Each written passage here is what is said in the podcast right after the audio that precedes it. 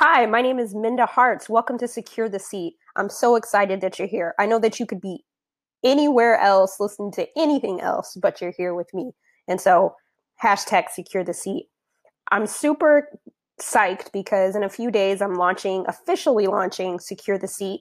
I'm recording little snippets uh, over the weekend so that you get to know me, get to understand my why. Why am I doing this? There's um, people have been telling me for over a year that I should start a podcast. And I didn't want to start a podcast for the sake of starting a podcast. I wanted to build off the work that we do at the Memo. Um, I am the CEO and founder of a career development platform that helps advance women of color in the workplace called the Memo. And now you have the Memo. And this is an extension of the advocacy uh, and the work that I do to help advance women of color in the workplace. That is my heart. I spent over 15 years in corporate America, uh, working with companies and nonprofits in a fundraising consultancy area, uh, helping individuals uh, raise money for various causes, be it scholarship or capital fundraising campaigns. and oftentimes it was like a Beyonce song for me in my career. It's just me, myself, and I. That's all I got in the end. and when you are one of the only ones in the workplace, you definitely become your own best friend. That's for certain. And it's hard. You know, I grew up, I was the first person in my family to graduate from college. I grew up in a very low income family, um, the oldest of three kids, and it was tough. I had a great family with a lot of love, but we didn't have a lot of resources. And so, as a woman of color entering the workplace, I was not prepared for this thing called workplace politics. It was something that I had to figure out on my own. Um, I remember before I started uh, my one of my first jobs, you know, I barely had enough money to go and get a couple of outfits so that I could show up to work feeling good about myself. My parents uh, helped me. Uh, we went to um, TJ Maxx and um, Marshalls, you know, Ross for those in that that know what that is and went on the rack and got a couple of designer suits that they had and I rocked those things um interchangeably for almost a year or more. Um, you know, there were just things that I didn't know. Uh, I didn't have a network going into um, into the workplace. So this whole idea of labels being put on you this angry black woman, docile Asian, feisty Latina, all that stuff. I had no clue. I thought I did my part. When I watched the Huxtables, they all went to college and got good jobs. And I thought if I went to college, then that must equate to a good job and that life would be easy. But what I didn't realize was there are all of these systemic issues embedded into workplace culture. And as a young 20 something and the only black woman, it was tough. You know, I was always questioning myself is this racist? Is it not? You know, like I don't know. I'm like, it can't be. I always defaulted to it can't be because we're in, you know, 2000 whatever at the time and they can't possibly they couldn't possibly just said that. I, I remember um, I I was a consultant and so we travel a lot. I was an on-site consultant and we'd live in on site with the client for months and months at a time, sometimes even a year, over a year. And I remember picking up my boss, and it was I was driving a rental car, picking him up from the airport. I had got in like a day early to the site, and I had another colleague in the car with me, another white man, and I pick him up Sunday afternoon. I'm in a dress, um, you know, very casual.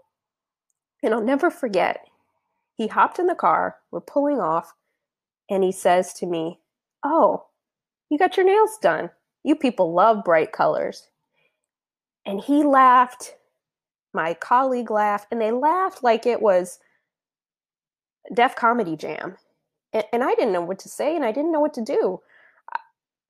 Us people like bright colors. I was like, You've got to be kidding me, man. You know, but even in that, you don't even know how to respond and he would go on to say a whole lot of inappropriate stuff. And I would go on just to take it because I didn't have anyone else to talk about it with.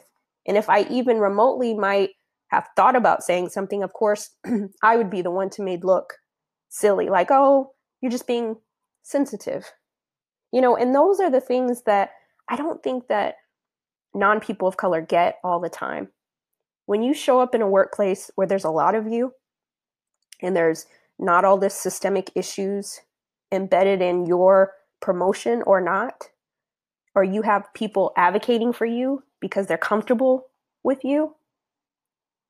I worked so hard to get my seat at the table and I built a bench of people to help me navigate the workplace. And none of them look like me. So I'm not saying that sponsorship and mentorship doesn't happen, but we have to fight for it a little bit harder. Um, but I'm happy that there were people in the workplace um, that sponsored me and that saw my potential. But I also, and we'll talk about some of this as we get deeper into some other episodes, but how you get a sponsor, how you get mentors. You know, sometimes there's all these things that we need in our toolkit that the books can't tell us. There's no manual that's given to the person of color when they step into a workplace. And you're greeted with all these labels. You're greeted with a whole lot of stuff that you're not prepared for. HR doesn't prepare you for that. College doesn't prepare you for that. And so it's funny, I, I equate a lot of things in my mind to music or rap lyrics. I, I always say that I'm a lover of grits and rap lyrics. Um, and there's this old song, it's not a rap song, but you may remember it from the 90s. There was this group called the Tony Rich Project. And there's a line in the song, and it says something like, The pain is real, even if nobody knows. And I'm crying inside, and nobody knows it but me. That's how women of color feel sometimes at work. And maybe women in general feel that way. But when you have a wage gap that's not for you, you have these executive roles that seem out of reach for you, you have no one else advocating for you, it's painful. And you might say, Oh, Minda, you being dramatic. no, this is real life. You do feel like crying inside on many days, but you can't show it. You can't tell anybody, you know? Um, and so it's tough. And so I think, you know, for me, the why, a lot of people said, Oh, Minda, you should start a podcast over a year ago. Um, and I and I was real reluctant because I just didn't know if that was the right vertical for me. Uh, you know, we have the memo and we were building there, and we are still building. Uh, but there came a time where I just got really tired of, and I've even written them myself, all the articles about women of color and the inequalities that we face at work. And at some point, we can write all these articles, but it's going to take the top down to implement these things, to change the ratio. And um, for me, I just wanted another tool and another resource so that women of color don't feel so isolated. Maybe you don't have a sponsor, maybe you don't have a mentor. I want you to look at Secure the Seat in that way. I want you to look at me in that way as you know the homegirl that's talking about some of the things that you may not have anyone to talk to about these things. Or if you consider yourself an ally you want to know how you can help. I always when i'm speaking at different conferences or on panels there's always you know um, our friends uh, that'll ask me what can i do? And this is what you can do. Subscribe rate me high but no for real you have to listen to our conversation. You have to find out what we need before you can implement it. You can't sit around a table of all people that look like you and make decisions for people who look like me. You need to know what our conversation is, what our pain points are. And so, this is my way of bringing everyone to the table, giving you an insight into what it is to be a woman of color leaning into the workplace because our lean in is a lot different and it's a lot harder. There's levels to this stuff, I mean, quite frankly. And my prayer and my hope is that women of color do not lean out yet. Many of us are leaving corporate America because we want to start our own business because we're out of frustration Um, that wasn't necessarily my story. My reason for starting the memo is because I was tired of, I felt like there's not enough people out there advocating for women of color. And I wanted to create that space to help prepare women of color for their seat at the table. Uh, because not everybody has the same access to great advice. And so if companies are not investing in the women of color that are sitting in their that are sitting in their companies right now, then they are going to lean out, and then we're really going to have a problem, and there's not going to be any of us at the table. um, some of us need to stay there so that we can keep pushing, so we can secure our seat, and then bring some more seats for other women of color that look like us, or for underrepresented groups, because diversity is not just having black and brown people at the table diversity is not just having um, various ages at the table. Diversity happens in so many layers, and that's where intersectionality comes in because I can be a woman, I can be a black woman, I can be and there's all these other layers and that's where intersectionality comes in and and in some of our future episodes i also want to talk about emotional intelligence because um, that plays a part of how we solve some of these problems as well. And I don't have all the answers. Uh, I have women that I can't wait to introduce you to who will talk about their paths. We're going to talk about the hard stuff. We're not going to sugarcoat it, but we're also going to talk about the solutions because the last thing I want us to do or this podcast to be about is shaming white people. They're not all the problem. okay. Uh, and, and to be honest, it's been a lot of great white men and women who've invested in me when I, uh, in corporate America that helped me advance. And so, uh, but there's some uh, also some um, other people who have caused me a lot of angst in the workplace. you know what I mean? So um, it's not about that. Uh, the other part of professional development is our professional development. And we cannot be ambivalent about what we want at work. If Bob is your boss, you can't assume that Bob knows what you want out of your career. So it's up to you to take it by the reins and be your best advocate. You know, as women of color, sometimes we stick things way, out way too long. There are expiration dates on things, and we have to be able to tap into that. You know, the great Nina Simone said, you've got to learn to leave the table when love's no longer being served. And if you're in a position right now where you know there's no more love at the table or you're never going to get what you need, you have to start creating space and planning your strategy to get to a table that you feel good about or build your own table, whatever metaphor makes you feel comfortable. But the one thing that I hope you gather from Secure the Seat is that this is a place for you. This is a place for us to talk about some of those things that may be weighing you down so you can find some freedom, so you can hear different stories of and different paths that women of color have taken. Um, I have a book coming out next year called The Memo in spring 2019 uh, with Hachette Book Group, Seal Press.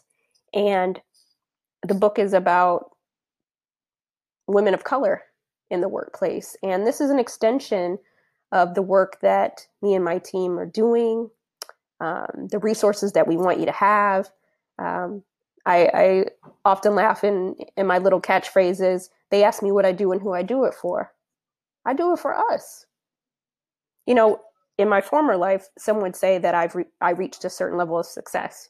But true success for me is when my sisters, when they feel like they have they've got to that place too.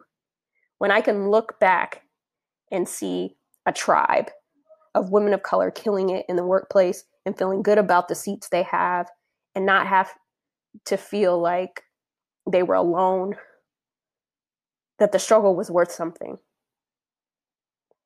And um, there's so many of you out there that are killing it and doing it.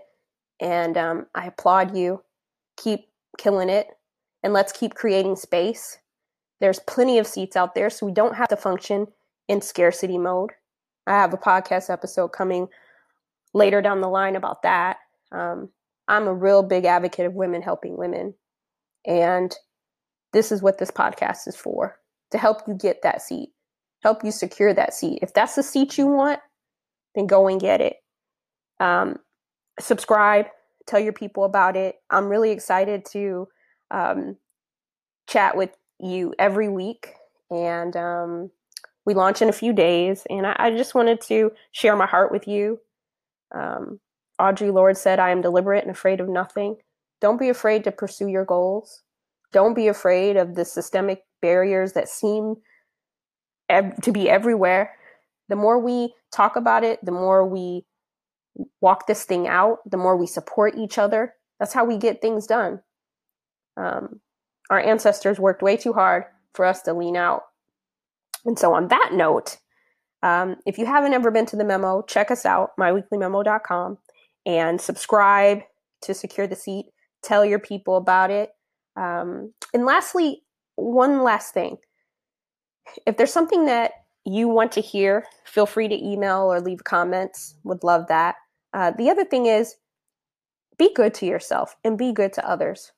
Oftentimes, I see on social media that we sometimes are focused on the way to on the wrong things. Kanye West, he has a song. He said, "You worried about the wrong things, the wrong things." And sometimes I feel like, you know, we got money to go get, we got seats to go get. Like, don't be focused on if people email you a single opt introduction or if people email you to can i pick your brain? Like so you have to put yourself in in their shoes. Sometimes they don't people don't know what the proper protocol is for everything. And it's a learning process. I remember there was a time when it was okay to say pick your brain. Maybe they didn't get the memo. You know we get so hard on people that we don't create space and grace or if someone uses the wrong language they might mean well but we attack them let's don't always assume that people the worst in people. Let's not always assume that. You know, let's have a little space, let's have a little grace. Um, there'll be moments that maybe I might say something on here that you, doesn't resonate with you, but let's agree to disagree with one another. That's what a democracy is. And so um, I, am just excited uh, about where we're headed, what we're doing, and all the seats we're about to secure. So tune in and um, join the ride. Have a great day.